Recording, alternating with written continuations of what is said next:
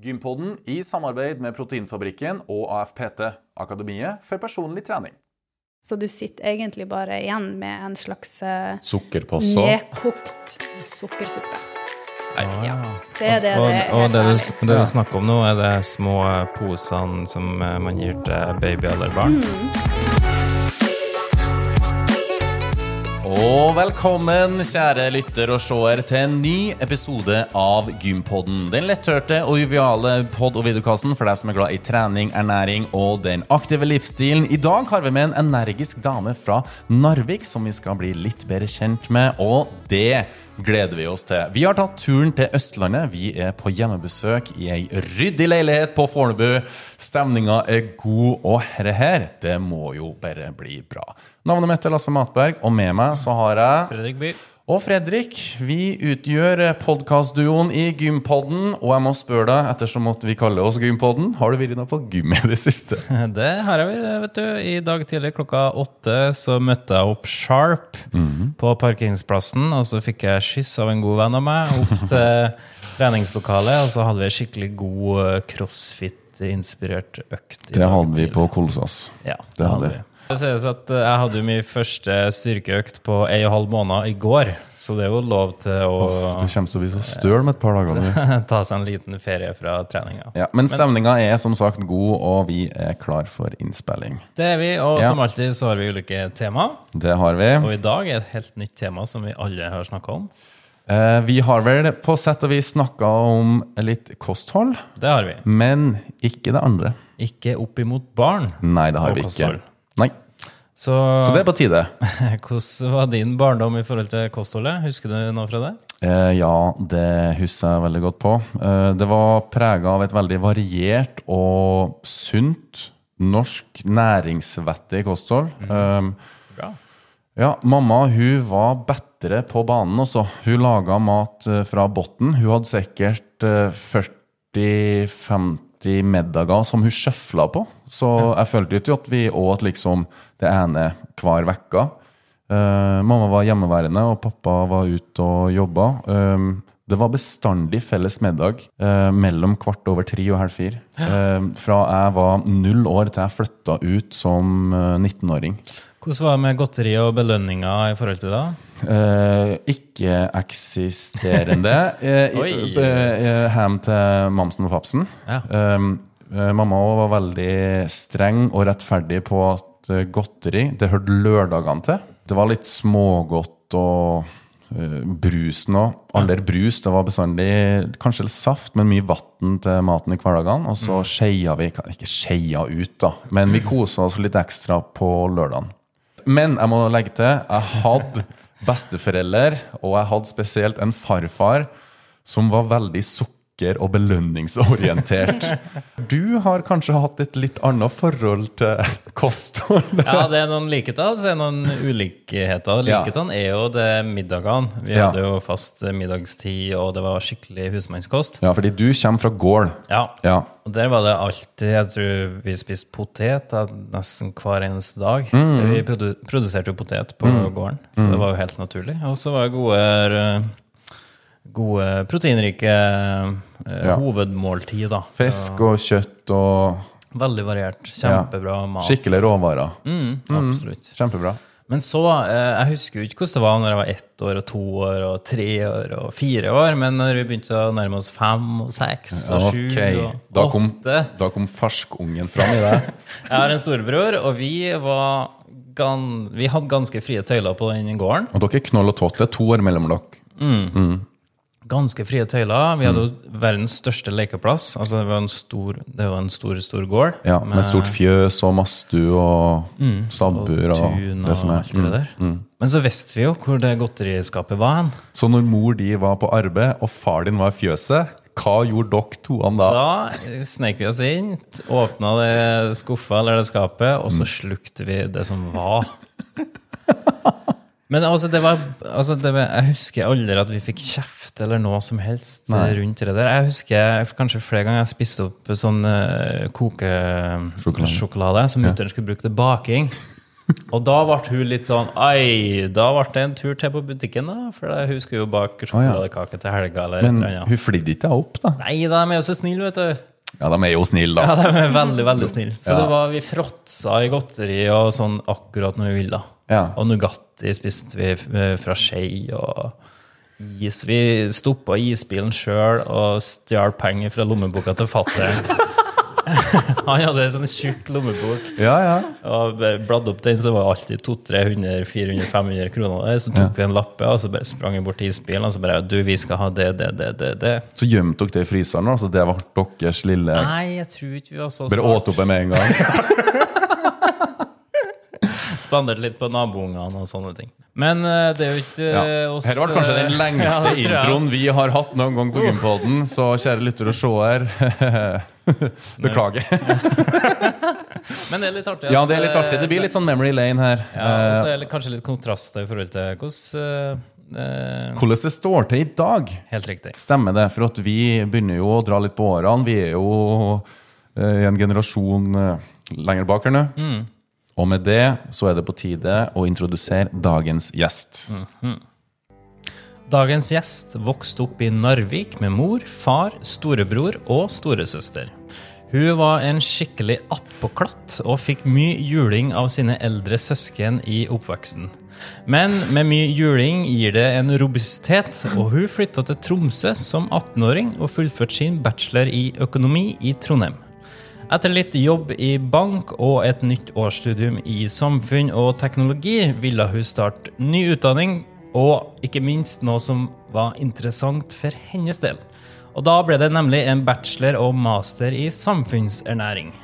Siste året på studiet etablerte hun Instagram-kontoen Ernæringsmamma og brente i større grad for å dele informasjon rundt kosthold, mat, sukker, råvarer og ultraprosessert mat retta mot barn og foreldre. Nå er hun superaktuell med boka 'Barnematrevolusjonen', og med det ønsker vi ernæringsmamma Maja Skogstad, velkommen! Hei!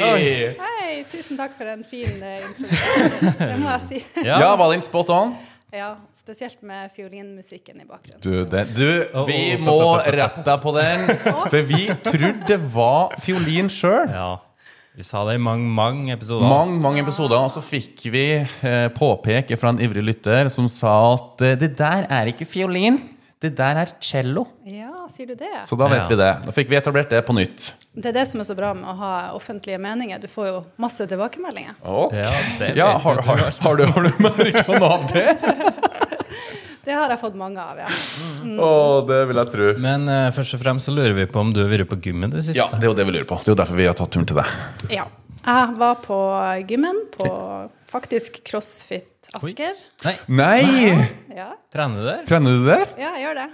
Nei, så artig! Ja, for en uke siden så var jeg der. Det er han eh, Soros som har eh, sparka meg i rumpa og fått meg til å bli med på gruppetimer der. For jeg finner ikke Tuller du? den, Altså, vi- vi Soros kjenner vi, veldig, veldig Vi hadde jo, godt. vi hadde jo kaffe med Soros i går. Oh, ja, Ja, ja. ja, ja. Og vi har hatt uh, flere innspillinger med Soros. Ja. Så hvis dere er nysgjerrige på hvem vi snakker om, så er det bare å gå inn og høre. Ja. Episoden med Soros. Ja. Eller episoden med. Men hvordan syns du det var? Veldig bra. Ja, Det er gruppetimene som gjør at jeg yter det ekstra lille. Jeg hadde aldri klart å holde det tempoet alene. Så artig, da. Altså, Vi snakka jo litt om barndommen våre så i forhold til mat og Mm. kosthold og sånn. Husker du noe fra hvordan det var til deg? Ja, eller kan du kjenne deg igjen, enten i forhold til meg eller Fredrik? Ja. Ja. eh, Det var pappa som sto mest på kjøkkenet, og Ja. han Ja. laga det meste hjemmelaga. Det var jo før alle de her ferdigproduktene Mhm. kom på markedet. Mm. Eh, Kanskje når jeg var ungdom, så kom de her eh, Toro-posene inn og ble Ja. veldig populære. ja. Eh, Da hadde vi Bali kyllinggryte. Åh, det husker jeg. Eh, Og den her pasta carbonara Mm. som jeg fyrte opp etter at jeg var ferdig på skolen, kan jeg huske. ja. Eh, Men hoveddelen av kostholdet hjemme var jo liksom hjemmelaga kjøttboller, sei i fløtesaus, kyllingsalat med dressing. Mm. Men vi også hadde rabarbra i hagen og Ja. dyppa det i sukker. Så det. Ja. Eh, Så det var ikke helt sånn A4-strengt. Mm. Hadde dere fire definerte måltider, sånn som jeg og Fredrik, eller? Eller spesielt Ja, menn? jeg mener å huske at Ja. vi hadde fire måltider. Dere spiste felles frokost eh, før dere gikk på skolen? Ja, stort sett. Og så var det jo Når jeg ble ungdom og begynte på ungdomsskolen, mm. så ble kostholdet litt verre. Ja. Verre på hvilken måte? For da var det sånn melkeklipp på skolen som man kunne bytte ut, og så kunne man få iste, god morgen-yoghurt, eh, rislunsj. Stem. Hva, hva tror du vi valgte da? Ja, ja. Rislunsj. Eh, Å, det er kanskje det beste jeg vet. Vet du, det er så godt. Ja. ja, det er kjempegodt. ja, det er kjempegodt, men eh, det var det det ble. Så Mm. når man får velge sjøl, og det er det som er utvalget, så Ja, blir jo kostholdet deretter. Men var du, var du oppmerksom på kostholdet den gangen? Nei, overhodet ikke. Nei. I det hele tatt. Ikke jeg heller. Nei. Nei, nei, nei, på ingen måte. Nei. Det var først når jeg begynte å få fatt i at sykdom har en sammenheng med kosthold, og at du kan gjøre mye for å Mm. forbedre fysisk og psykisk helse, at det begynte å Ja. bli interesse. Eh, Når begynte du å interessere deg for kosthold, da? Og Ja, det er jo min mamma som var syk. Hun hadde MS, Mm. eh, og hun døde av tarmkreft for en god stund siden. Mm. Eh, og så var det et sånt blad, sånn MS-bladet, som var hjemme hos oss. Mm. Der sto det at uh, sykdommen hennes hadde en sammenheng med vitamin D fra sola. Og at i land med mye sol så var det veldig sjelden å ha denne sykdommen. Oh, ja. Var nærmest ikke-eksisterende. Eh, Så da tenkte jeg oi, da har vitaminer en sammenheng med sykdom, og kanskje kunne det være noe med vitaminene fra maten. Og så begynte jeg å lese mer om ernæring. Så fant jeg ut at ting som man lærer i media og på avisoverskrifter, er litt annerledes enn det som jeg leste. Så da ble det egentlig bare enda mer interessant, fordi at jeg ble nysgjerrig på hva her er det et eller annet som ikke eh, stemmer helt, da. Når var det? Det var når jeg bodde hjemme, så det må ha vært når jeg var 17 år, tror jeg. Ja. Ja. Men jeg sa jo innledende at du flytta til Tromsø og begynte på økonomistudiet og sånn. Var det Ja, for det var jo på den tida hvor jeg ikke hadde helt min egen stemme, torde å følge hva jeg sjøl virkelig ville gjøre. Så alle sa at hvis du studerer økonomi, så blir du som en potet som kan brukes til alt. Ja, ikke sant? Så da gikk jeg liksom den safe veien, da, Ja. og fullførte. Ja. Men eh, sånn skulle det ikke gå. Nei da. For det ble jo et par eh, Ikke et par, men det ble jo en bachelorgrad til. Det ble det. Eller en mastergrad til. Ja. Ja. Jeg tenkte at uh, man skal jo jobbe resten av livet, så da starta jeg like gjerne på nytt med noe som jeg virkelig ønsker å gjøre. Så da ble det fem år på Oslo Met, som det nå heter. Ja. Ja, I samfunnsernæring. ja. Og hva er egentlig det? Det er ernæring for hele samfunnet, altså forebyggende eh, ernæring. Hva som er best for flest, hvordan du kan påvirke matmiljøet for å få flere til å velge bedre. Det er litt sånn motsatsen til det her med én-til-én-veiledning. Nemlig. Men rakk du å jobbe noe rundt eh, akkurat det? Før du begynte med ditt eget? Ja Nei, både og. Uh, Ja. Var du utplassert under eh, utdanninga di? ja, Ja, det var jeg jo. Jeg var tre måneder på Bærum sykehus. Ja. Lærte du noe der? Masse. Som for eksempel? Um, det var et startkurs der for de som skulle gjennomgå fedmeoperasjon. Mm, spennende. Så de må gjennom en sånn, jeg tror det er åtte ukers kurs før de da skal uh, ta slankeoperasjon. Og der lærer de masse om kosthold og fordeler og ulemper med slankeoperasjon for å sikre at de kan ta et informert valg om det her. Så uh, jeg intervjua dem, hvordan de hadde kommet dit som de Altså, Ja. de har hele livet prøvd å spise mindre og trene mer. Og det var det samme de fikk eh, formidla på startkurset. Bare spise mindre og trene mer og spise denne salaten Ja. uten fett, fordi at fett har mye kalorier. Eh, så masteroppgaven min var jo på en måte litt sånn kritisk. Den heter 'Utfordringer med kalorirestriksjon'. Så jeg intervjua dem, og så observerte jeg hvordan de hadde formidla det her. Og så trakk jeg ut noen utfordringer og satte sammen med det faglige. Hvilke utfordringer er det, da? Um, Kort og enkelt. Ja. Noen av deltakerne har hatt spiseforstyrrelser tidligere. Ok. Så det, de sa sjøl at det å skulle telle hva som er i maten, er en trigger for dem. Så det er jo en utfordring. Og så er det jo det her med at eh, du blir Det blir ikke fokus på matkvalitet. Eh, eksempel så var det en som sa at han hadde stilt klokka si til å ringe så og så mange ganger i løpet av dagen, og da skal han få i seg så og så mange kalorier. Ja. Og det spilte ingen rolle hva det var, så lenge det var de kaloriene.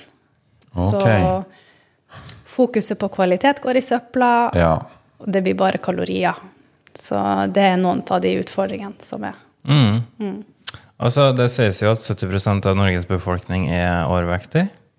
Er det så mange? Stemmer det? Eh, Jeg har ikke akkurat prosenttallet, jeg vet bare at de fleste, Ja. eh, både menn og kvinner, er overvektige i Norge i dag. Mm. Ifølge Folkehelseinstituttet 2022. ja. Hvorfor tror du det er sånn? Ja, det er mange grunner til det, da.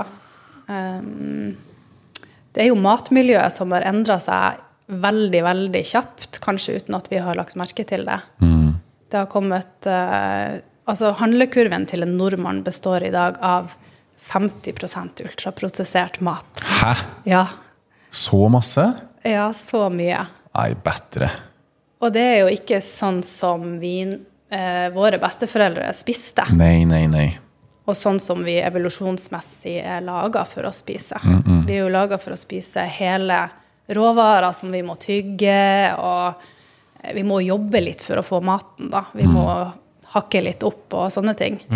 Eh, Så når maten er så utrolig lett tilgjengelig, og når den i tillegg er designa for å overspise på.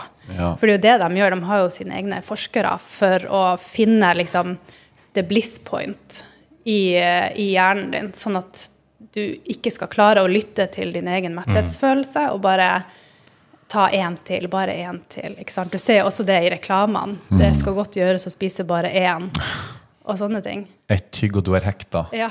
Ja? Hvem er det som har det? Nei, det husker ikke jeg. Nei, ikke heller. Uh, Pringles, once you pop, you can't stop. ja, nettopp. det er bare noe jeg kommer på nå. Jeg har ikke manus engang. Nei. Nei. Og det er jo ikke bare de her eh, tingene som vi vet er liksom usunt, om du kan kalle det det. Liksom kanelsnurrer, godteri. Men det er jo også veldig mange vanlige matvarer. Og det er jo der det stopper hos mange. De ønsker ikke å høre at vanlige matvarer kanskje ikke er det beste for oss. Så det er eh, putta inn mange forskjellige sukkerarter i skinke. Og at kornet er liksom brutt ned i eh, bitte små deler, sånn at det blir sukkerarter. Mm. Så veldig mye sukker kommer fra helt vanlig mat. Fordi maten har endra seg så enormt mye på, på veldig, veldig kort tid. Ja. Mm. eh, vi har jo en egen episode om det med ultraprosessert mat, men for dem som ikke har hørt den episoden, kanskje du vil si hva det innebærer? Eh, Det er mat som har gått gjennom ganske kraftige prosesser, og du kan bare lage ultraprosessert mat på fabrikken, ikke hjemme. Mm. Det er to ting jeg bruker å si at eh, kjennetegner ultraprosessert mat. Det er enten unødvendig prosessering, altså prosessering som er gjort for at vi skal like den bedre. F.eks. at den blir søtere. Ja, ikke pga. holdbarhet, men Nei, på for- fordi grunn at den skal smake bedre i ganen. Ja. Ja. Uh, og så er det bruk av unødvendige tilsetningsstoffer. F.eks. karagenan som konsistensmiddel eller aroma for å dekke over den smaken som er tapt i prosesseringa, men også for å få oss til å like den bedre. Så det handler om eh, likbarhet. Ultraprosessert mat det er mat som er blitt gjort noe med for at den skal bli mer likbar enn den var opprinnelig. Nemlig. Hva er typisk uh, matvarer som er ultraprosessert? Uh, ja, jeg bruker jo å trekke frem de her vegetarburgerne. Ja. Eller plantebaserte burgere, som det veldig fint kalles. Fordi, Det sunne alternativet. Ja, det er jo sunnvasking, da. Når man prøver å fremstille en matvare som sunnere enn den egentlig er. Men, men når de sier at den er sunnere, er det pga. at det er mindre kaloriinnhold? Er det det som er definisjonen deres? Nei, de tenker vel at alt som er plantebasert, er sunt. Men jeg bruker okay. jo å si at den, er, den burde heller kalles for industribasert. Fordi det er ikke én eneste råvare i de her burgerne fra naturlig eh, I hvert fall den. Den har erteprotein, eh, også stivelse, sukkerarter. Altså du finner ikke en råvare. Og erteprotein er liksom vidt forskjellig fra å spise hele erter. Men du har, jo, du har jo også burgere som faktisk er bra og plantebasert, det må jeg bare si.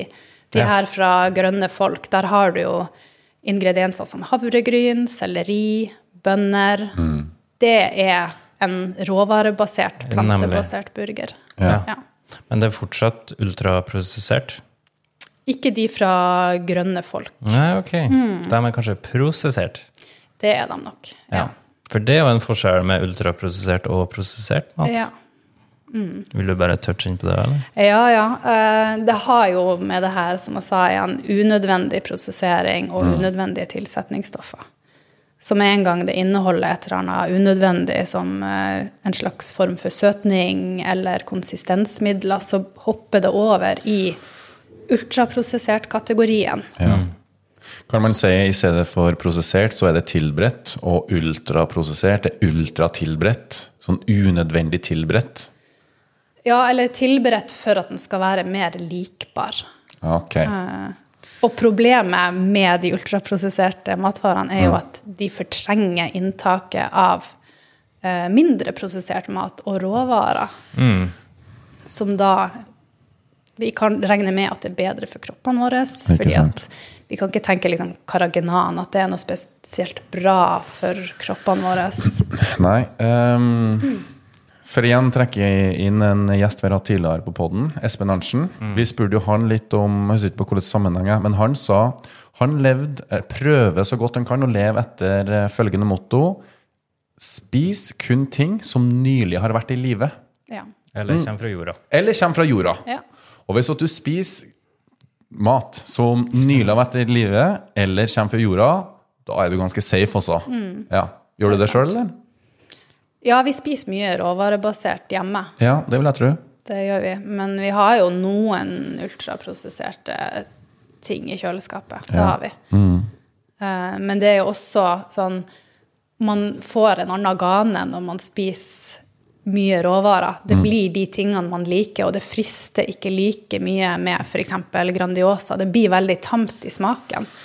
Og det her er jo en ting som man kan høre det, og så tror man ikke helt på det. Ja, men det er bare noe du sier for at det skal For å virke grei. Men, men det er jo faktisk sånn at smaksløk kan skiftes ut med to ukers mellomrom.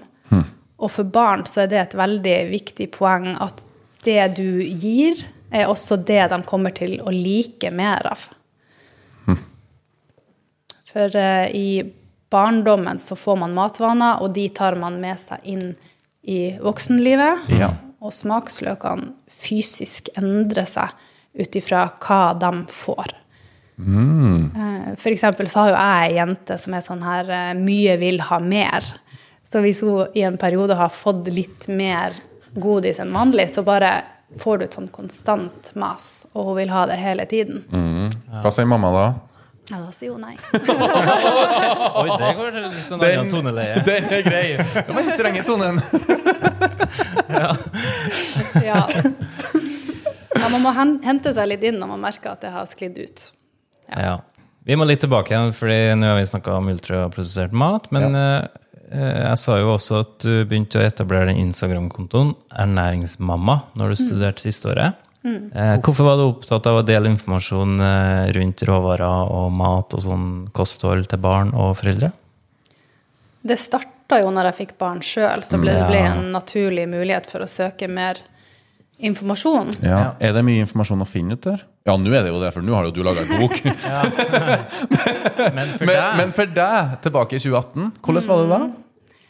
Nei, det var veldig vanskelig å finne informasjon. Men jeg Ja. hadde nok litt litt mer informasjon enn folk flest, fordi at jeg hadde jobba i et eh, oppstartsselskap som jobber med å produsere barnemat. Hvilket selskap da?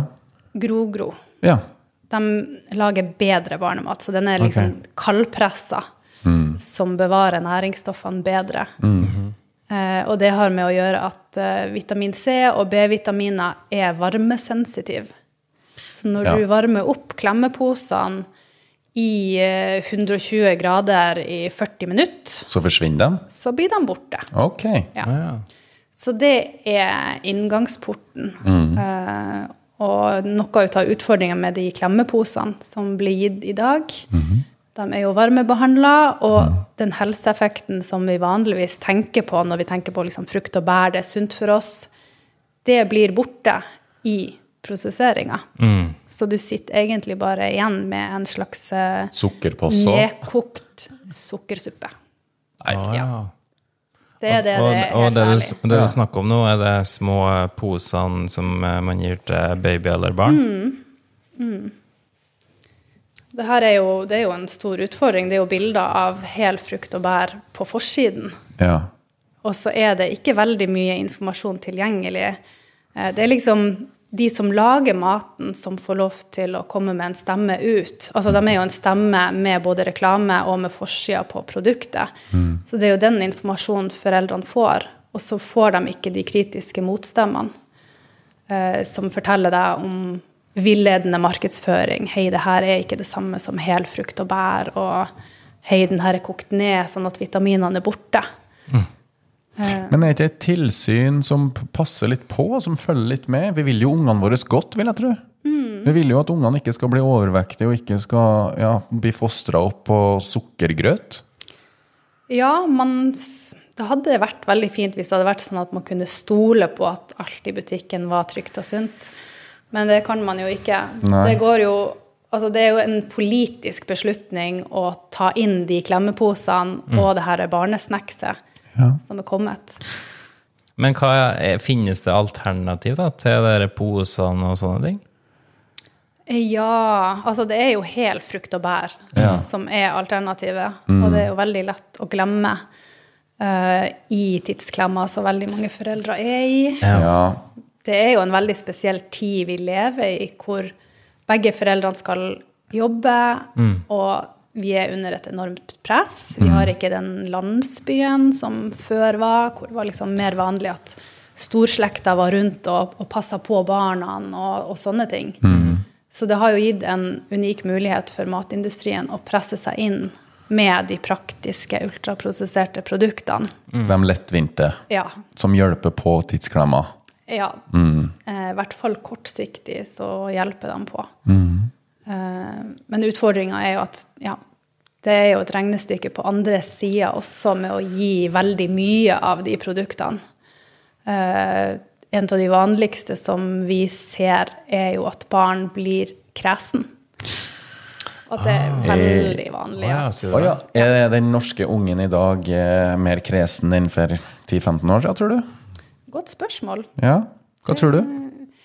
Jeg kan ikke si med sikkerhet at dagens barn er mer kresen enn eh, forrige generasjon. Men det er en sånn undersøkelse fra Helsedirektoratet som viser den vanligste utfordringa, og det, da kommer kresne barn opp som nummer én.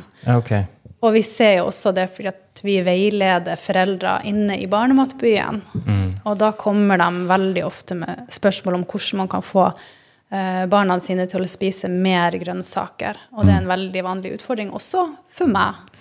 Ja. Du nevner Barnematbyen. Kan du bare kjapt si hva det er for noe? Ja, det er den bedriften som jeg starta opp for to år siden. Og hva er det dere gjør? Vi tilbyr lavterskel ernæringsveiledning, så du stiller spørsmål på en app. Eh, og så får du svar innen 48 timer. Og så får du månedlige kunnskapshefter, oppskrifter, og så får du tips om de gode ferdigproduktene fra butikken. Okay. Er Sånn som jeg nevnte med de eh, planteburgerne, så finnes det nesten alltid et bra alternativ i okay. den samme kategorien. Så det er ikke sånn at du må lage alt hjemmelaga, og at alt ferdig er dårlig. Det fins mat med bra kvalitet også. Så du sitter og svarer sjøl og opplyser mødre som er litt, og fedre som er litt uvitende, da? Jeg svarte sjøl i starten, det Ja. gjorde jeg, men nå har jeg andre jenter som også har master i samfunnsernæring.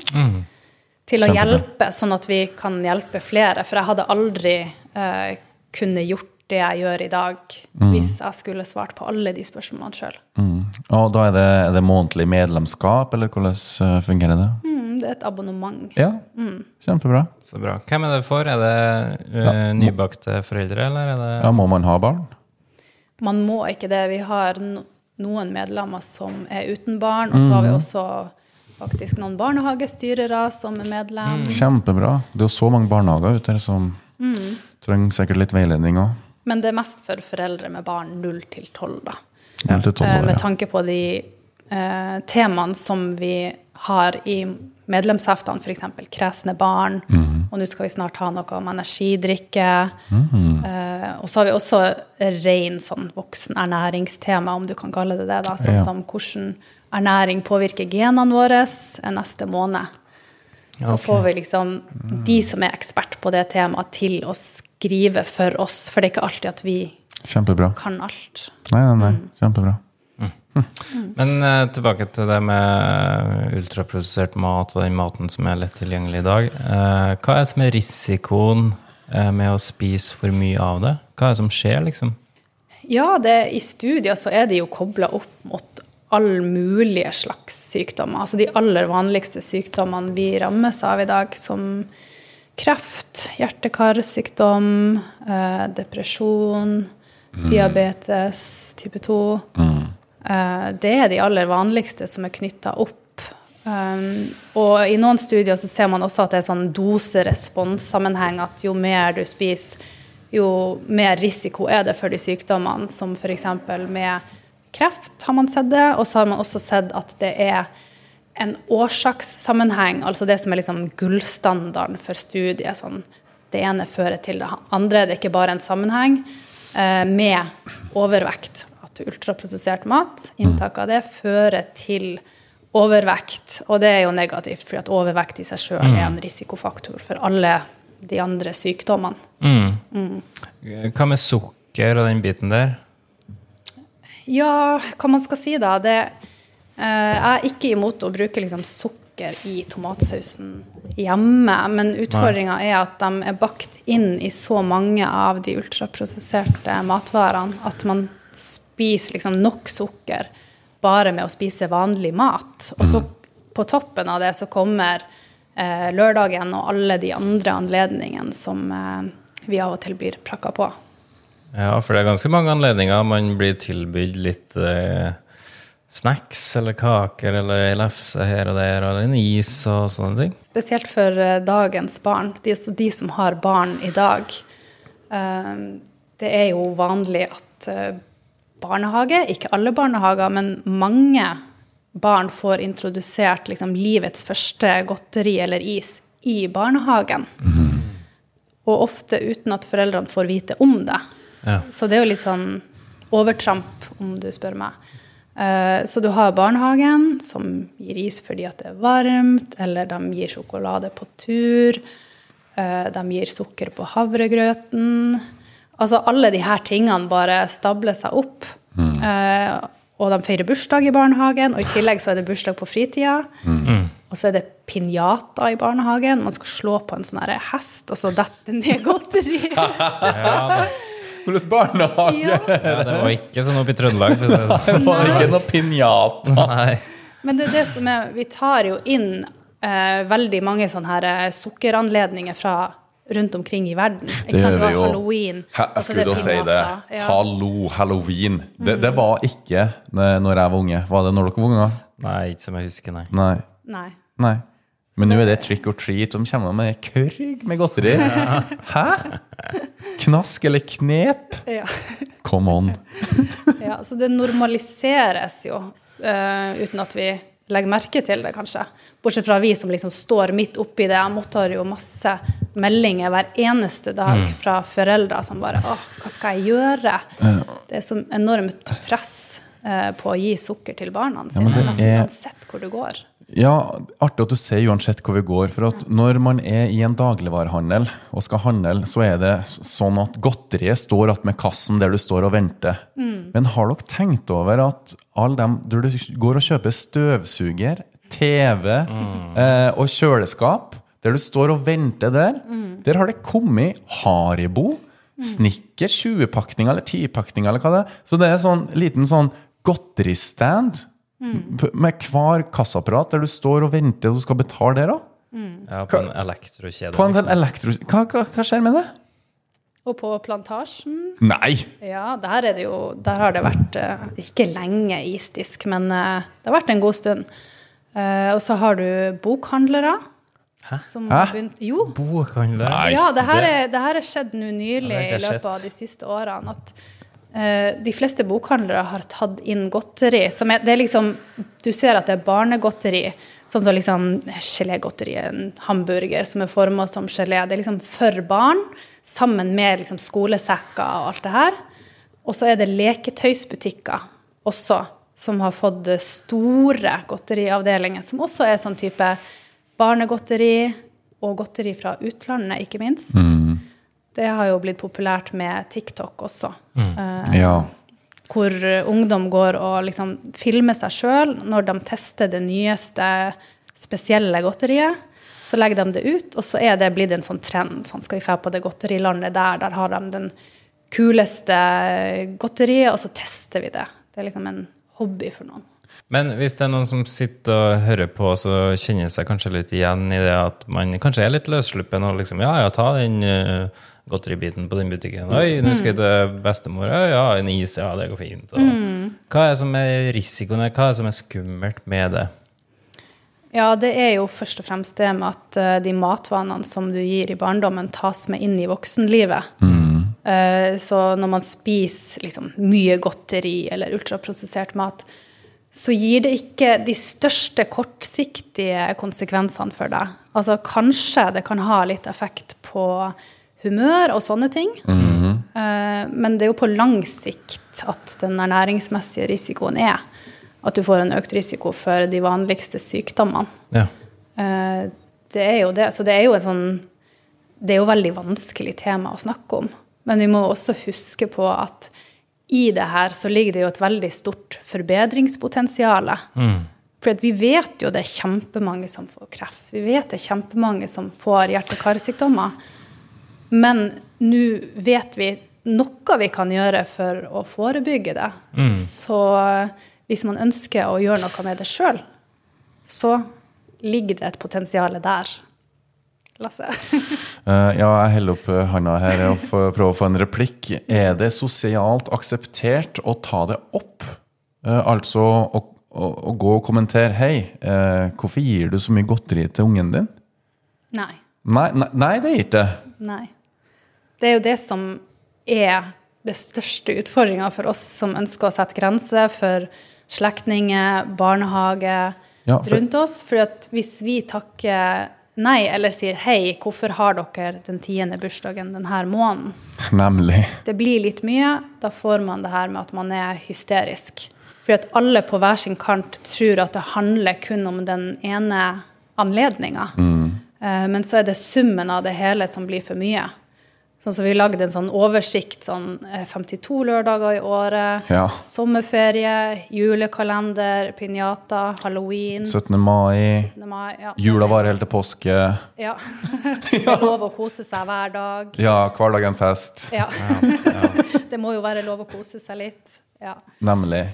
Altså For barna sin del, det er jo ikke farlig å være sulten. Men er kanskje foreldrene redd for at barna er sulten? ja, absolutt. Eller tør ikke foreldrene å ta kampen? Eh, Jeg tenker det her med sulten, sultenhet for barn, det har nok sikkert blitt påvirka en del av matindustrien, som liksom Bare tenk på han lilla sultenklumpen som kommer og forteller deg Ja. i alle mulige situasjoner at eh, nå må du ta knekken på sulten. Ja, Eh, Småsulten. Det, det er liksom det ene måten vi blir påvirka på. Og så er det det her med at vi har fått høre at vi skal holde blodsukkeret oppe. Ja. Eh, og det i seg sjøl er jo Altså, hvis du holder blodsukkeret oppe, så får du jo diabetes type 2. Liksom. Det, altså, det er, kroppen regulerer jo blodsukkeret sjøl. Ja. Eh, hvis det har gått så så lang tid fra vi spiste, så vil, og blodsukkeret blir lavt, så vil jo kroppen regulere opp blodsukkeret ditt, så fremst du ikke putter på med mat jevnlig. Eh, så jeg husker jo jeg spurte under studiet hva skjer hvis ikke kroppen får lov til å gjøre det her. Ja. Eh, at, det ikke, at det aldri får gå tre-fire timer eh, pluss mm. mellom hvert måltid. Men det hadde de ikke så mye svar på. Nei. Men det jeg spekulerer i, er jo liksom sånn som alt annet med kroppen, at den funksjonen som du ikke bruker, den blir dårligere, da. Ja. Så når kroppen ikke får trening i å regulere blodsukkeret, så kan det hende, jeg har ikke noe studier på det, eh, at man blir dårligere på å bruke den, eh, den greia, og så får man det her hangry. hangry. Og så blir det sånn ond sirkel. Du må spise for å ikke bli hangry, Ja. eh, og de tingene. Ja. Så må du sørge for en naturlig tilførsel. og så da, ja, Det er litt tungvint å gjøre det på den skikkelige måten. Så blir det lettvinte matvarer, prosesserte matvarer, ultraprosesserte matvarer, og så er du inn i en sirkel du er, kanskje vil komme deg litt ut av. Ja. Eller som er vanskelig å komme seg ut av. Jeg liker De siste episodene som liker jeg så referert til evolusjon, altså hvordan vi menneskene faktisk er laga. Ok, Hva har du reflektert rundt nå tenker jeg jo veldig mye over det med kosthold og mat, og ikke minst sult. For vi altså lett å si for 1000 år siden, det var ikke sånn at det var en Rema 1000 eller en Kiwi å gå og kjøpe seg litt mat på. Nei, Vi måtte jo ut og hente den sjøl, og vi jobba veldig mye for den maten. Og da gikk det kanskje en eller to dager der du kanskje spiste minimalt. Og Ja. kanskje fikk deg et godt måltid, og kanskje kjente på den metthetsfølelsen. da. ja. Og Og den sultfølelsen er jo kanskje laga for at du at kroppen sier fra du, nå må vi opp og jobbe litt, fordi nå må vi prøve å skaffe oss mat. Min påstand er at all mat smaker så utrolig mye bedre når man er sulten. ja, det er helt sant. Vet du hva? Ja, ja. Come on! Ja. Og sånn er det sikkert for barn òg. Ja, det vil jeg tro, men hvis at de får Smarties eller sjokkis eller iskrem før et hovedmåltid, så da, da blir det bare som et sånt supplement. Da blir hovedretten desserten til godteriet. Ja, nu, altså det kan jo være en teori på hvorfor de er kresne òg. fordi når man Ja. er skikkelig sulten, så spiser man jo hva som helst. Ja, Helt ja, vet du hva? Ja. Men når man alltid er litt mett, ja. så frister ikke med grønnsaker og den biten der. Da vil man ha det som er søtt og godt. Godt poeng, min gode venn. Det er det. Og med tanke på det her med at vi har fått høre at frokost er dagens viktigste måltid, så har jeg fått tilbakemeldinger fra foreldre som har gitt eh, kjeks og liksom sukkerrik frokostblanding, eh, fordi det er jo bedre enn ingenting. Så det sier jo litt om at når ungen ikke er sulten, så gir man gjerne de ultraprosesserte, søte tingene, og de får ikke blitt eh, sulten nok til å faktisk liksom orke og tørre å smake på ny mat. Men det her er jo bare en, en del av utfordringa for hvorfor barn er kresen. Det kan jo være masse Ja, årsaker også. Ja. Absolutt. Det var bare en teori som jeg Ja, kom ja. på her og nå. Um, men du sier nå en del av utfordringa. Hvordan skal vi prøve å løse dette her, da? Eh, jeg har ikke barn, det har ikke du heller, Fredrik. Nei. Det har du, eh, Maja, så du har sikkert sett litt barne-TV i det siste. Um, er det noe, er Peppa Pig og Fantorangen er de opptatt av sunne måltid og sette seg ned og spise eh, felles middag? Hva, hva streames ut til ungene ut der? Altså, hvis du hører på f.eks. Eh, eh, Brannbamsen Bjørnis sånn lydbok, Ja. så vil du høre at nesten i hver episode så er det sånn at eh, Ja, nei, vi må fære og ta en is, og alle liker jo is. Det er ingen som sier nei til is.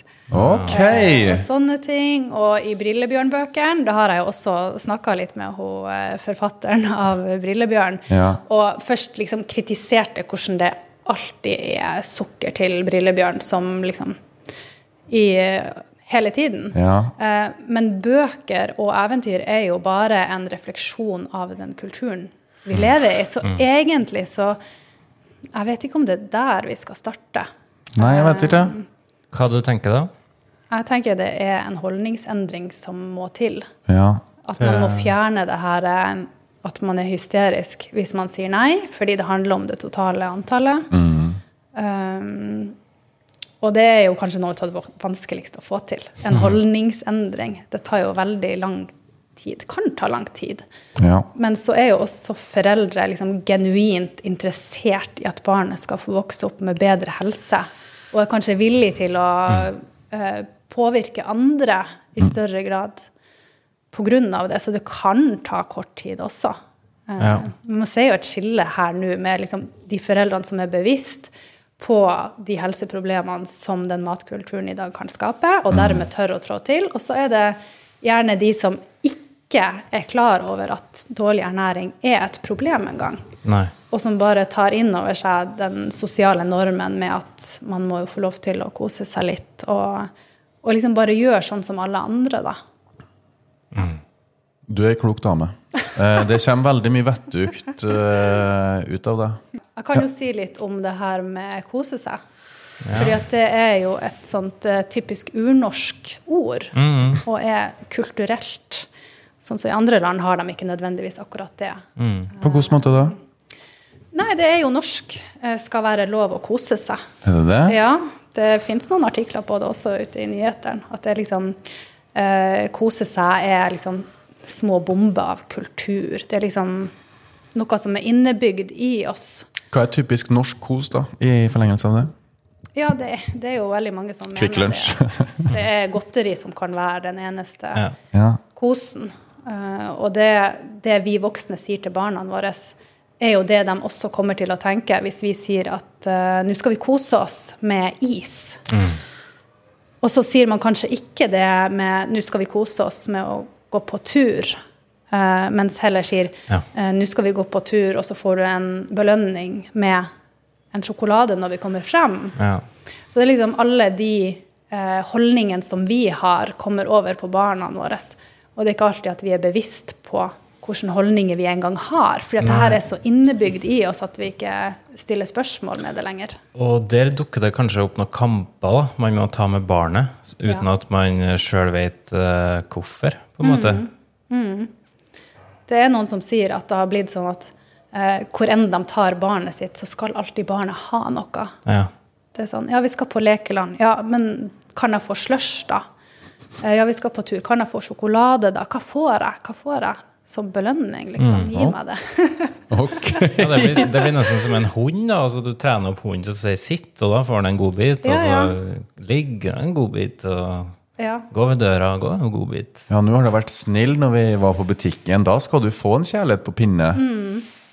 Men det er jo det som er at liksom, hjernen assosierer jo bare alle de forskjellige anledningene med sukker. Sånn at hvis eh, når barna har fått is liksom, første gangen på butikken, neste gang dere går på butikken Oi, det var her jeg fikk sukker. Kan jeg få en is? Eh, og da har du det gående. Slitne foreldre i kombinasjon med barn som maser. Det er ikke så lett å overholde grensen alltid. Du ser jo det her med at eh, man har en sånn høy kulturell aksept for at det er barn som skal få godteri. Det er ikke alltid for voksne at det gjelder. Sånn som På fly, flymenyene så står det, står det 'children's menu'. Og der er det godtepose. Og så har du liksom voksenmenyen ved siden av, der, der det kan være sandwich og litt sånn eh, litt bedre ting, da. Ja. Ja. Du rekte opp hånda? ja, fordi jeg har jo vært på opptil flere restauranter. eh, Og etter at man har spist og nytt et godt måltid, og hvis du har med deg barn på vet du, fader er under 8, 7, 6, 5 år, så får de ofte en kjærlighet med pinne. Som en sånn 'takk for besøket', her har du en kjærlighet på pinne. Så husker det den ungen husker fra den hyggelige stunda, var kanskje den kjærligheten på pinnen, så kan vi stikke det dit igjen. For der fikk jeg en kjærlighet på pinne. Jeg fikk en chupa chup. Og det er noe som jeg bruker å kalle for markedsføringssnop. Og det blir bare mer og mer vanlig. Du ser det på jordbærpikene, gratis is til barn etter du har spist. Og du har Sabrura sushi i Trondheim. Gratis is til barn etter du har spist. Nei. Jo. Er det? Eh, på Cutters. eh, kjærlighet- Frisørsalongen? Ja, ja. Cutters. Kjærlighet på pinne etter klipp. Ikke underveis om man sitter og er stille, altså. Og det varierer sikkert etter hvem som gir. Nei. Eh, og det nyligste nå som jeg også fikk en avissak på, det var barn som fikk belønning for å justere brillene sine på brillebutikken. Så de hadde en egen isdisk inne på brillebutikken. Ja. Altså, det har tatt helt av. Tydeligvis. Jeg visste ikke det her. Nei. Men, men altså, eh, brillebutikken og alle de eh, aktørene rundt her da, som liksom gir en liten sånn godbit til barn, eh, de skjønner kanskje ikke konsekvensen av det? Nei, jeg liker jo å tro at de gjør det i god tro. fordi at uh, de fleste gir jo barn godteri fordi at det gjør så utrolig godt å se at barnet blir glad. Ja. Og så er det jo veldig lett å bli liksom den snille. Ja. Du Ja. blir snill med en gang du gir godteri. Ja, og at ungen slutter å skrike og forholder seg rolig til sukkerkicket slår inn. da. Ja, ja. Ja, det er jo det som er utfordringa. Altså, til foreldre og sånn som har Der barnet begynner å skrike, så er det ekstremt lett å bare ty til en is og en iPad, og så er du i mål. Og det er nesten så jeg får lyst til å få et par kids, eh, og jaggu, da blir det bedre andre baller. ass. Jeg er glad ikke ungen din. Men jeg, jeg, jeg sa jo innledende at jeg vokste opp med altså nesten helt fritt fram. Liksom. Vi stjal godteri her og der og fråtsa jo i det. Men jeg føler at det gikk ganske bra. Ja, det har jo gått bra med deg, men du Er er det unntak, eller er det Nei, jeg tenker jo at uh, kanskje det ikke var like mye ultraprosessert mat på butikken når du vokste opp. Nei, det var det nok helt sikkert ikke. Var det du som fikk hjemmelaga brød, eller var det du? Det var Lasse. Ja. Ja, vi fikk det, vi òg. Ja, bedre mor di har Hun bake, Ja. bakt og styra på. Men både farfar bakt brød, og mamma bakt brød, altså. Mormor òg, for den del. Mm. Kom an. Det var ikke noe annet. Nei, Det var ikke noe kjøp av brød til Nei, for det er jo veldig veldig mange små forskjeller som til sammen blir mye. Jeg synes Det er jo sukker i vanlig kjøpebrød, og det er tilsatt ekstra hvetegluten, sånn at det skal bli kortere hevingstid. og lettvint. ja, Raskt. Ja, det er veldig, veldig mange forskjeller som har skjedd i matmiljøet i det siste. Bak, baker du ditt eget brød? Vet du at eh, vi har en del eh, litt sånn cøliaki Ja. og litt allergier i familien, så Ja. vi spiser veldig lite brød. Men nå har vi snakka mye om uh, problemer rundt det her, både med markedsføring og ultraprosessert mat og belønning og den biten der. Men er det noen løsning på problemet? Er det lys i tunnelen? Ja, det er lys i tunnelen. ja. Jeg tenker at uh, det du kan gjøre, det er å starte med å bytte ut en ultraprosessert matvare med en som er mindre prosessert. Ok. For eksempel. F.eks. hvis du har uh, tubeost, så bytter du til helt vanlig hvitost. Fader, dere vi syndere. Ops. Vi har to tubeoster liggende i bilen. Ja, vi tar det på lompa vår. Ja. Ja, for den, den har jo altså, Du lurer på om det er rundt 60% ost og skinke, og resten er fyllstoffer. Fader også! Ja, ja, ok. Noen andre ting? Så, så kroppen kan jo ikke få næringsstoffer fra fyllstoff, så de mister du jo. Ikke sant? Innen ernæring så er det jo sånn at du liksom Når du spiser noe, så går du glipp av noe. Og summen av de to blir på en måte helseeffekten du sitter igjen med. Så det å bytte til vanlig hvitost som har 100% ost, og dermed du kan få næringsstoffer fra 100% av hele matvaren, er et bra bytte. Takk for tipset. Jeg noterer. Ja. um, og så har du jo det å bytte fra frokostblanding. Frokostblanding er en kategori hvor det finnes veldig lite gode, ferdige alternativer. Um, fordi de fleste har veldig mye sukker, og i tillegg så er kornet ekstrudert. Det er en prosesseringsteknikk. Og det betyr at de blir sånn luftige. Du vet sånn så Weetabix og sånne figurer og tall. Mister sikkert litt næring på veien, da. Ja, det kan virke som det, i hvert fall ifølge en studie på gris, Okay. hvor de ga gris hele korn, og så eh, ga de gris ekstrudert, ekstrudert korn, og så sammenligna de tarmfloraen.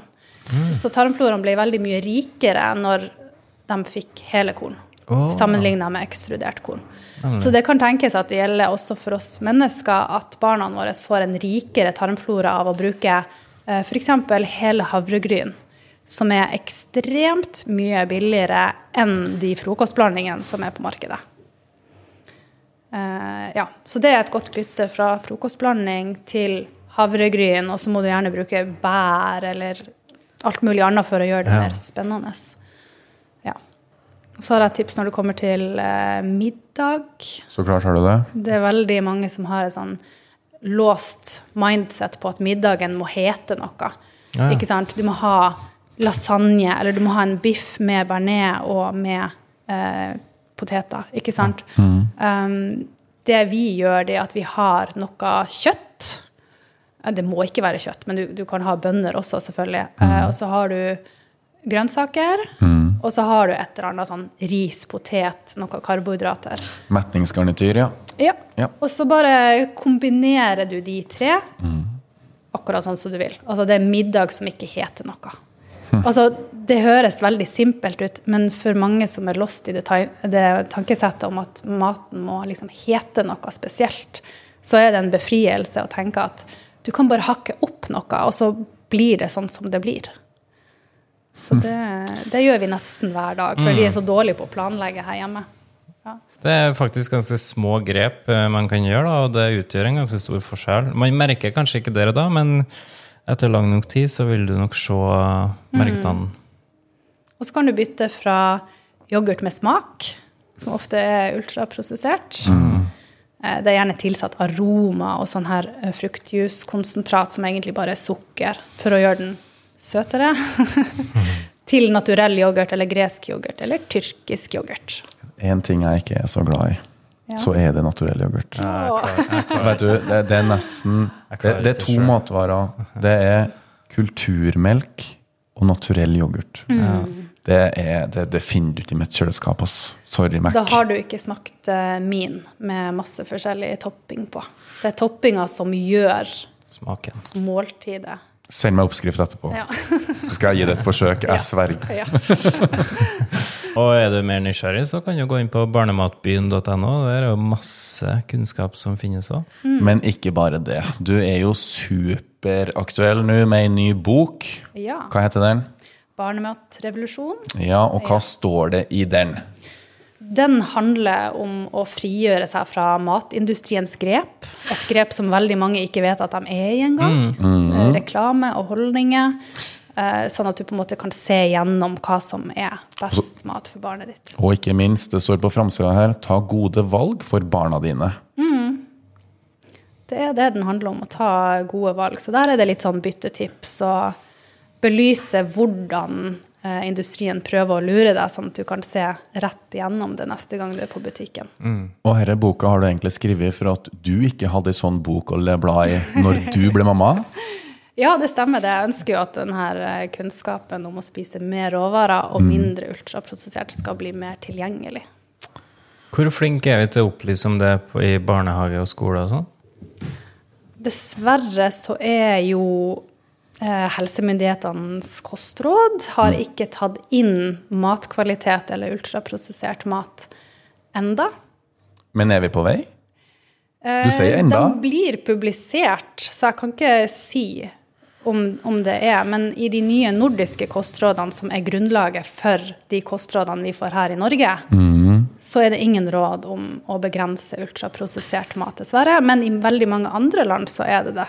Mexico, Ecuador, Brasil. Eh, Så jeg føler at andre land suser forbi oss, mens vi eh, sitter og går glipp av en stor mulighet når vi ikke gir råd. For dette her legger jo føringer for hva barn i barnehagen får servert, og hvordan matindustrien formulerer produktene sine. For veldig mange streber jo etter å oppnå det her nøkkelhullet, som ikke, heller ikke tar hensyn til matkvalitet. Men du er jo litt over snittet engasjert her. Eh, vurderer du å sette ned og skrive en mail og fyre av gårde, eller? Ja, altså, ah, ja, hvem til? Helsedirektoratet. Ja. Uh, har jo kommet med innspill på den prosessen der. Snille innspill, ja. Hø- Høringsinnspill, som det så fint kalles. Ja. Men ikke sant, de har jo bestilt inn rundt 400 eksperter som skal gå gjennom forskninga på kosthold på ethvert tema. Og så har han også bestilt inn forskere, eh, eller eksperter, som skal se på det her med ultraprosessert mat. Er det nok forskning til å kunne gi råd? Og det de ekspertene sier, det er ja, vi bør gi råd om å ja. begrense ultraprosessert mat. Okay. Helserisikoen er så stor. Altså Man ser det konsekvent på veldig mange forskjellige sykdommer. Eh, så vi er nødt til å gjøre noe der. Men når de da har formulert, altså bestemt de endelige tingene, så har Ja. de valgt å ikke høre på det ekspertene sjøl konkluderte med.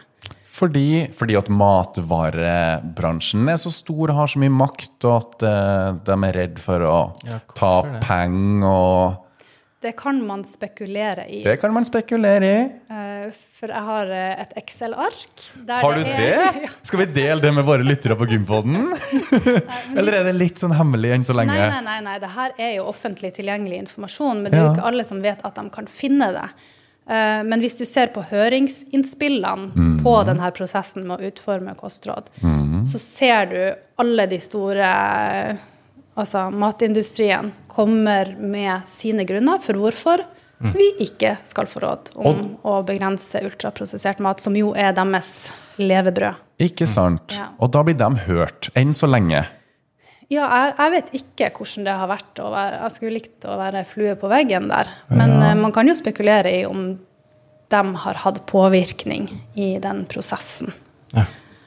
Um, det er mye som spiller inn i en sånn prosess, og det er jo ikke alltid at det er eh, barn og unge eller voksne sin helse som kommer. Det er jo liksom politikk, og det er økonomi, og det er liksom landet Norge må tjene penger. Ja. Altså korn og fisk og alle de her tingene. Det er så mye som spiller inn. her er en stor industri, ja. Her er det mange millioner, om ikke milliarder. Ja, det er det. Ja. Det er det vi må innse litt mer, fremfor å tenke at alt på butikken er trygt og sunt, og alle reglene tar vare på meg som person. For sånn er det ikke alltid. Det kom jo for en dag at kanskje tobakk ikke var så sunt, og de havna i skap. Eller de mista logoen, de mista ikke form, men de mista farge, bokstavelig talt, og havna i låsbare skap. Det skulle bli visst for forbrukeren.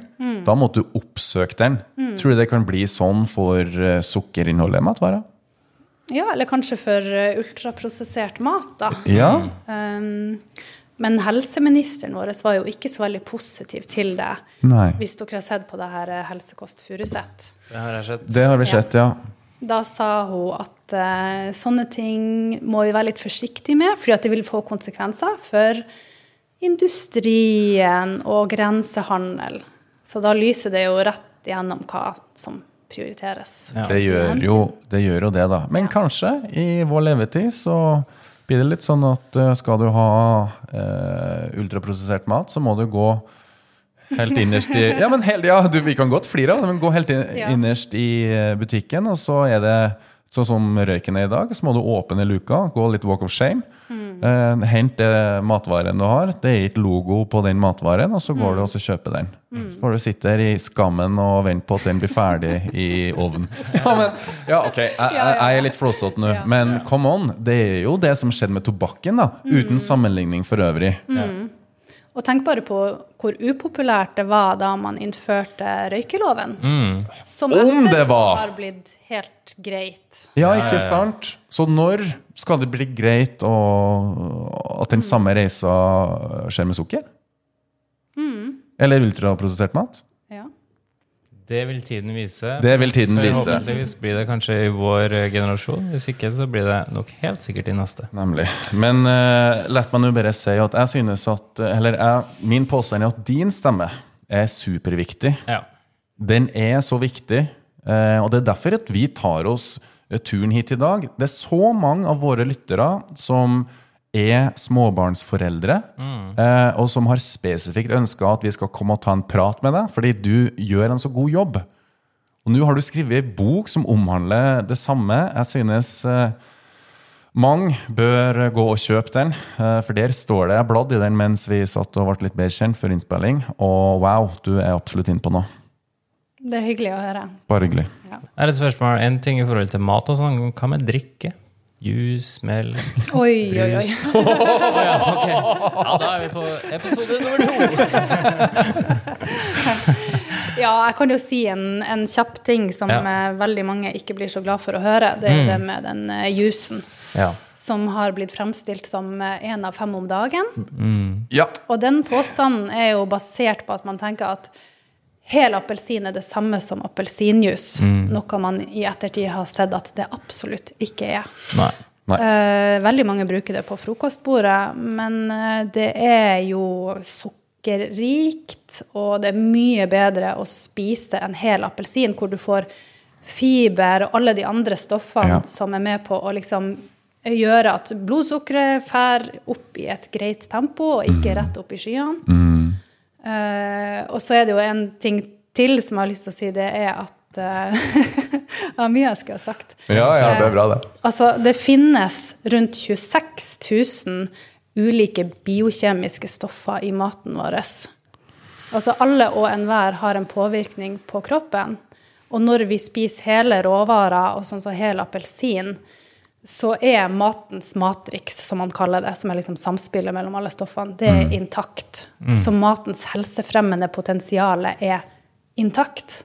Men når du begynner å ta ut ting fra det her, sånn som i appelsinjuice, så fungerer det ikke på samme måte som med en hel matvare. Nei.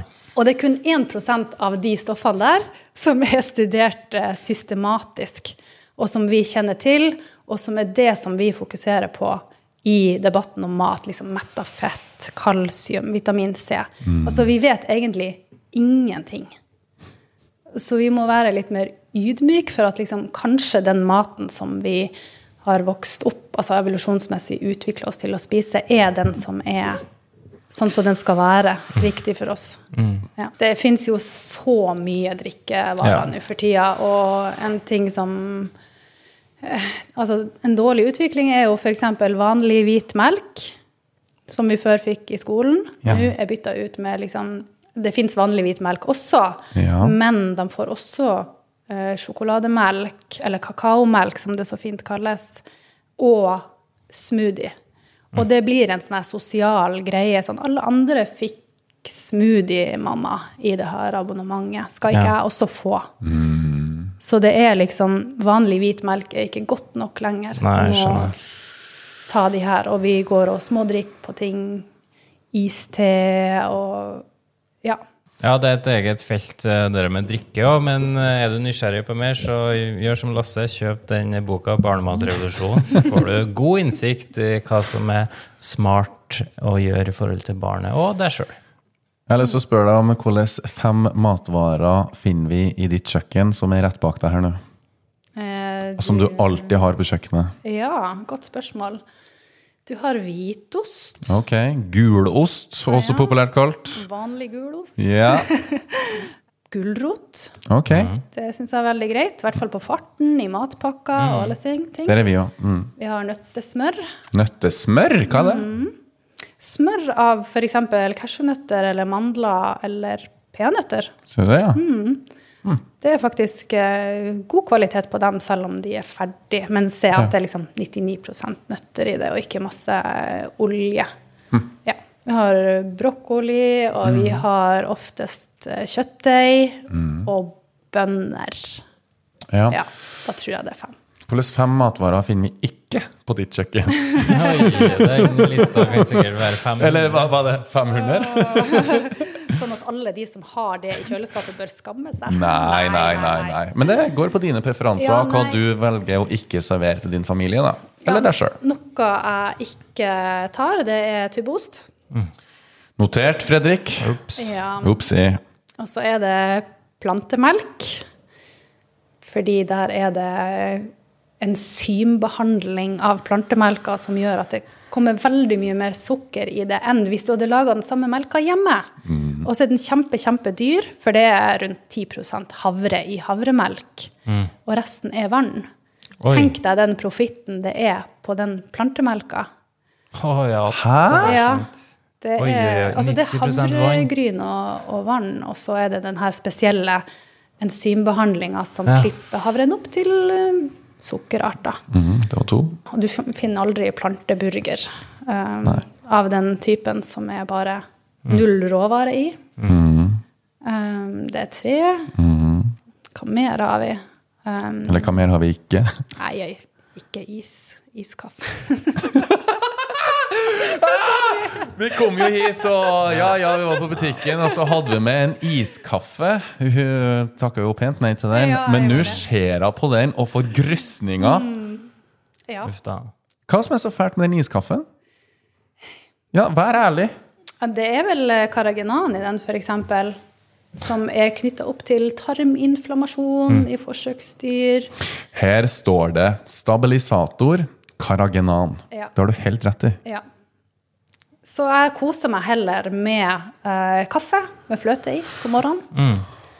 For det, det skal sies at det er veldig mange ting man slipper å være redd for hvis man fokuserer bare på å spise råvarer og begrense ultraprosessert mat. Sånn at jeg er ikke redd for kalorier i seg sjøl, selv, selv om det selvfølgelig har en betydning. Ja, ja. Eh, ikke redd for fete meieriprodukter, Nei. fløte, smør, fordi det gjør meg mett, holder meg mett lengre, sånn Mm. at jeg ikke føler at jeg må ha noe med en gang på farten, fordi Mm. at det du får på farten er oftest ultraprosessert. Salt er jeg ikke redd for. Jeg er ikke redd for eh, dessert etter middagen. Mm. jeg er ikke redd for å ha sukker i sauser og sånne ting. Mm. Eh, så det er mye man har blitt fortalt at man skal være redd for, som man kanskje ikke trenger å fokusere like mye på når man begrenser ultraprosessert mat. Ja. Du har jo blitt en offentlig person. Syns du det er utfordrende? Altså, det er jo sikkert mange som kritiserer og ja, står på sitt. Jeg liker ikke å være uh, ute der. Nei. Nei. Nei. Nei, jeg, er- jeg er egentlig en veldig introvert person. Um, når jeg var liten, så var jeg kjempesjenert og gjemte meg bak mamma og pappa når vi skulle betale for mat i kassa, og alle spurte 'hvorfor sier du ingenting, eh, Maja?' Så jeg har liksom Ja, det har vært en lang reise å tørre å Ja. si noe i det hele Ja. tatt. Eh, og jeg, syns, jeg har ikke lyst til å være at det er så mye fokus på person og liksom privatliv. Så jeg liker egentlig ikke å være den altså en frontfigur i media, eller noe sånt, men jeg, jeg gjør det allikevel. For at det er Skjønner. Men du har jo veldig lite fokus på personen, da. Du, er jo, du brenner jo for saken. Ja. Og det skinner jo igjennom. ja. Jeg prøver i alle fall det. Ja, det lykkes, du- det lykkes du veldig godt med. Har du noen tips da til foreldre som kanskje har skeia ut eh, over lengre tid, og ønsker å ta bedre grep i forhold til godteri og kosthold og biten der? Sett på episoden på nytt og hør alt igjen.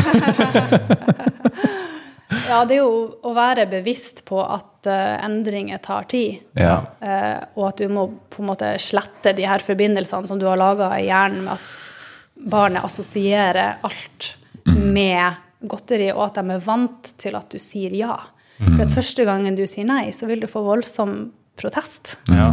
Og det er tungt. Ja.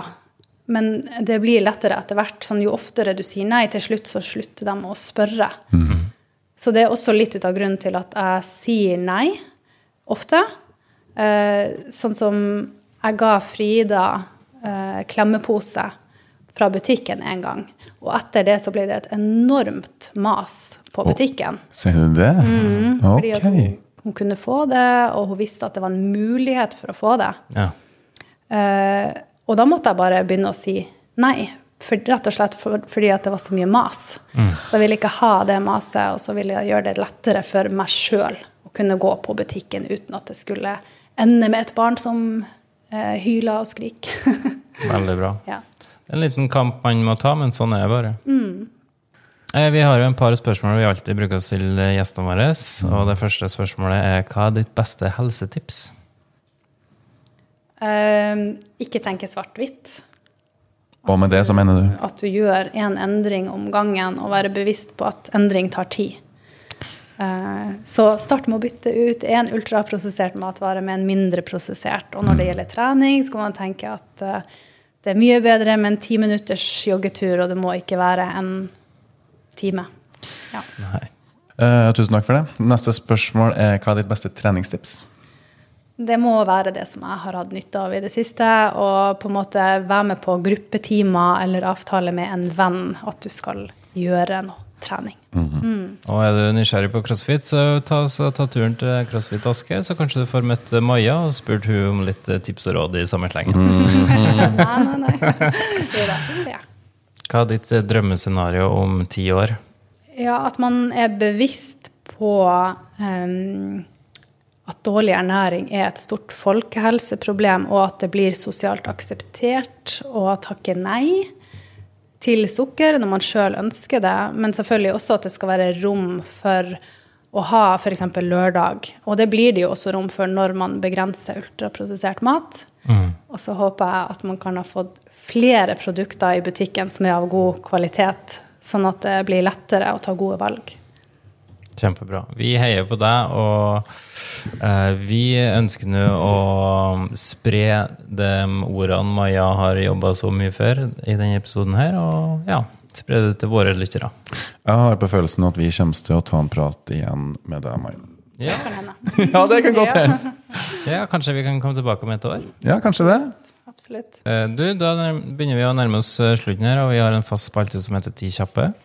Så der får du eh, to alternativ, og så skal du svare så fort som mulig på de to alternativene. Ja. Enten eller. ja. Er du klar? Jeg er klar. Lykke til. Eh, proteinshake eller proteinbar? Ingen av delene. Dette starter jo sykt bra, da. Det er første gjesten. Som har sagt det. Begynner å nærme oss Når vi har over bikka 90 gjester, og det er første som sier det. Ja, det er bra. Bra! Du eh, holder standpunktet klart her, altså. Ja, men altså, fra nå av så er premisset at du må svare okay, eh, en av Ok, delene. ok? Greit. greit. Eh, tren med en pulsklokke eller ikke? Ikke. Hjemmetrening eller tren på gymmet? Gymme. Tren med musikk eller uten? Med. Lag mat sjøl eller take away? Lage mat sjøl. Kaffe eller energidrikk? Kaffe. Hvit måned eller SoMe-fri måned? Oi. eh, hvit måned. Legge ut bilde i feed eller story? Feed. Tur på fjellet eller tur i parken? Tur i parken. Sukkerfri måned eller hvit måned? Hvit måned. Sushi eller taco? Taco. Frukt eller grønt? Grønt. Gå en tur eller en time på CrossFit Asker? En time på crossfit. Tren på morgenen eller tren på ettermiddagen? Morgen. Kostholdsplan eller freestyle tallerken? Freestyle-tallerken. Eple eller banan? Eple. Snø eller sandstrand? Sandstrand. Grandiosa eller hermetikk? Hermetikk. Generell oppvarming eller spesifikk oppvarming? Spesifikk. Tøy ut eller reise rett hjem etter trening? Tøy ut. Stille i debatt eller holde foredrag? Holde foredrag. Musikk eller podkast? Podkast. Lære noe nytt eller lære bort? Lære noe nytt. Lasse eller Fredrik? Oi! Neimen, guri! Nei, nei, nei. nei, nei. Jeg kan ikke Jo, jo, jo, jo, jo, dere er gode sammen, salt og pepper. Åh, hei, det var du! Ja. Salt og pepper. Salt og pepper, det har jeg ikke hørt før. Og siste trappa eller heisen. Trappa. Men vi tok heisen opp i dag. Ja, Fordi dere hadde utstyr. Sant nok. Sant nok, så slapp vi å bli svette. En ting vi ikke har spurt om, det er alkohol. Har du noen tanker og formeninger om det? Når man er ungdom, så kjenner man jo ikke konsekvensene av alkohol på kroppen, fordi at kroppen er så god på å få det bort. Mm. Så da blir det jo bare en morsom ting. Ja. Men når de her konsekvensene begynner å komme, uh, ut ifra hvor dårlig i hvert fall jeg kan bli, så tenker jeg sånn Oi, det her må være veldig skadelig for kroppen. Fordi at det er jo ingenting annet som får meg til å føle meg så dårlig. Nei. Nei. Um, så jeg har gått fra å være en ganske sånn partyløve i ungdomsårene til å få veldig sånn lav toleranse for alkohol. Så det er liksom to glass det er nok for meg. Ja, og det er ikke Eh, ofte, sikkert. Nei, det er ikke ofte. Men jeg har jo barn også, så Ja. du får ikke så mye anledning. Og dagen derpå blir noe helt annet med barn. Det Det- jeg Det, det, meg. kan jeg det går ikke. Nei. Det, det er ikke nei. Det er ikke holdbart. Nei. Er det noe du har lyst til å tilføye på tampen? Ja, hvis du er mer nysgjerrig, så kan du selvfølgelig kjøpe boka 'Barnematrevolusjon'. Og så er det masse gratis informasjon på barnematbyen.no, bloggen der, og på Ernæringsmamma på Instagram. Gå inn og følg Maja på Instagram, så får du masse gode tips rundt kosthold og mat. Tusen hjertelig takk, Maja, for en kjempefin prat. Wow! Det er sjelden jeg reflekterer så mye underveis i innspilling. Eh, Jeg tar meg sjøl og blir tom i blikket og tenker masse rundt det vi snakker om. Eh, Du er flink, du er god. Fortsett med det du holder på med. Og Fredrik, Tusen hjertelig takk for at eh, vi fikk lov til å komme hit til leiligheten din eh, i Fornebu. Fornebu. Så lykke til videre. Vi skal følge deg, og kanskje vi tar en prat om et år igjen. Om ikke før. Takk, ikke til deg, ja, takk til deg, kjære lytter og kjære seere, for at du følger med oss på denne episoden. Nye episoder hver torsdag. Du hører oss på Gympodden. Hei og hå! Hei og hå.